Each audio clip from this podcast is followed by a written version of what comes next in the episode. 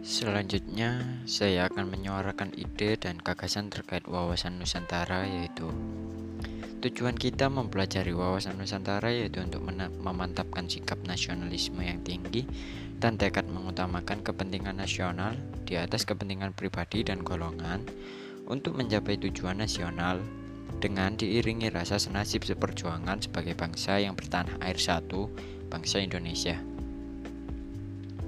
Tetapi sepertinya hal ini masih membelenggu. Misalnya, misalnya saja sering kita mendengar terjadi kerusuhan-kerusuhan antar etnis di Indonesia yang mengatasnamakan suku maupun agama. Misalnya yang terjadi Sampi dan Buso, bahkan terkadang pemicu kerusuhan itu hanya masalah-masalah sepele yang tidak semestinya mengikut sertakan golongan-golongan tertentu.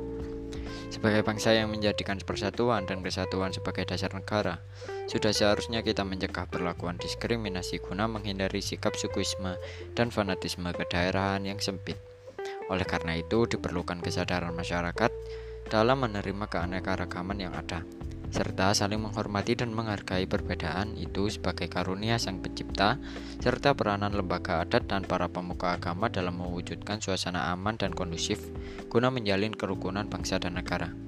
Dengan demikian, wawasan Nusantara menjadi nilai yang menjiwai segenap peraturan perundang-undangan yang berlaku pada setiap strata di seluruh wilayah negara sehingga menggambarkan sikap dan perilaku, paham serta semangat kebangsaan atau nasionalisme yang tinggi yang merupakan identitas atau jati diri bangsa Indonesia. Selain itu juga kita seharusnya mempunyai pemahaman yang luas mengenai wawasan Nusantara karena hal itulah yang mempersatukan keragaman bangsa ini.